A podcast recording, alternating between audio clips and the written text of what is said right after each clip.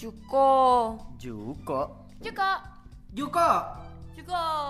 Juko. Juko. Juko. From jurusan komunikasi Binus University.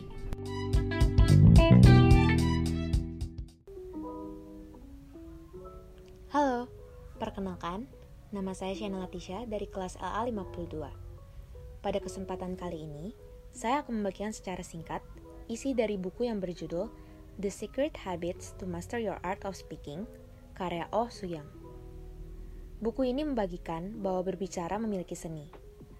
Ketika kita pertama kali bertemu dengan seseorang, kita pasti memperhatikan penampilannya terlebih dahulu. Namun, penampilan saja tidak cukup. Walaupun penampilannya bagus, tetapi ketika seorang itu memiliki cara berbicara yang kurang jelas dan gugup, kesan pertama yang bagus itu dapat menjadi hilang. Berbicara merupakan modal penting untuk menjalin komunikasi. Oleh karena itu, berdasarkan pengalaman dan observasi penulis, buku ini membagikan beberapa tips, metode, dan nasihat yang dapat diikuti untuk memperbaiki kemampuan berbicara dan meningkatkan kepercayaan diri kita. Karena kemampuan berbicara dapat dilatih.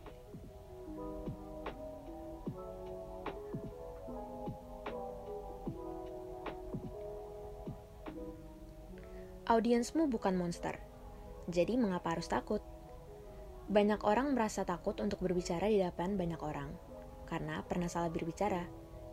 Contohnya, ketika kita sedang presentasi di depan kelas, mulut kita tidak sengaja terpeleset sehingga membuat kita salah mengucapkan kata dan ditertawai satu kelas.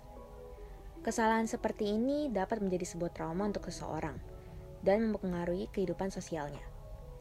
Biasanya, orang yang mengalami trauma berbicara, orang itu akan terbata-bata, gagap, dan tidak berani menatap mata orang lain ketika berbicara. Terkadang, ciri-ciri seperti ini juga disebabkan oleh luka psikologis, dan ketakutan seperti ini merupakan hal yang wajar terlebih lagi ketika kita sedang gugup.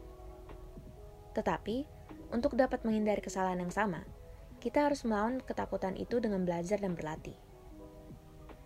Hal yang sama juga dialami oleh seorang tokoh bisnis yang bernama Steve Jobs. Ia juga memiliki trauma dalam berbicara. Ia merasa dirinya rendah karena ia adalah anak adopsi. Hal itu membuat dia pernah mengonsumsi obat terlarang dan meninggalkan bangku kuliahnya. Namun, pada suatu hari, ia tertarik dengan bidang komputer dan ingin mengembangkan kemampuannya di bidang tersebut. Ia harus banyak belajar dan berinteraksi dengan banyak orang. Maka dari itu, Steve Jobs mengubah pola pikirnya dan menjadikan trauma yang ia miliki sebagai tantangan. Ia melatih dirinya terus-menerus agar pandai berbicara. Sekarang, ia telah berhasil menjadi salah satu tokoh penting dengan cara berbicara yang memikat dan jelas. Untuk memiliki cara berbicara seperti Steve Jobs, ada empat hal yang wajib kita lakukan. Pertama, membuat karikatur pendengar.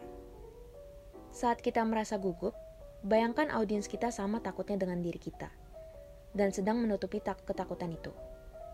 Audiens kita akan hanya mendengarkan kita, bukan menilai kita. Jadi, rileks dan bayangkan hal-hal positif yang membuat kita nyaman saat berbicara. Kedua, jangan merendahkan diri kita saat berkenalan. Karena pikiran dan ucapan yang buruk dapat mempengaruhi kita.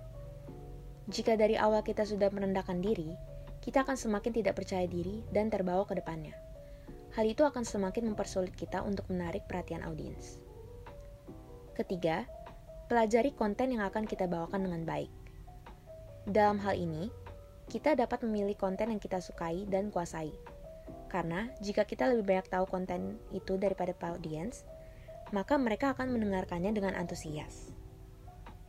Yang terakhir adalah ucapkan mantra atau kata-kata positif dengan penuh keyakinan.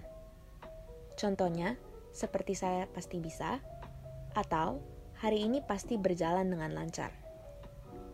Ucapkan mantra-mantra ini sambil membayangkan diri kita berdiri di atas panggung. Hal ini akan membuat keberanian kita lama-kelamaan meningkat.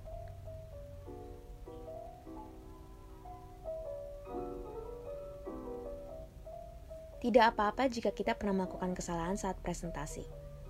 Kita dapat selalu belajar dari kesalahan yang kita lakukan.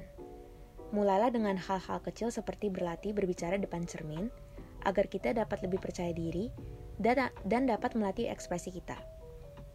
Kita juga dapat berlatih dengan merekam suara kita, agar kita dapat menilai apakah intonasi dari suara kita sudah sesuai dan apa yang kita bicarakan sudah terdengar dengan jelas atau belum.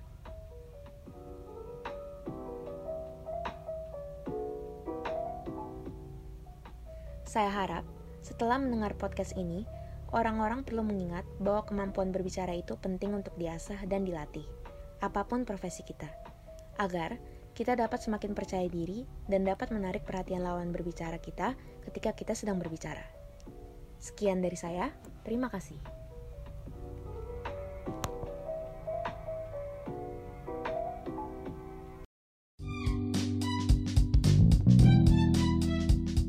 From Jurusan Komunikasi Binus University.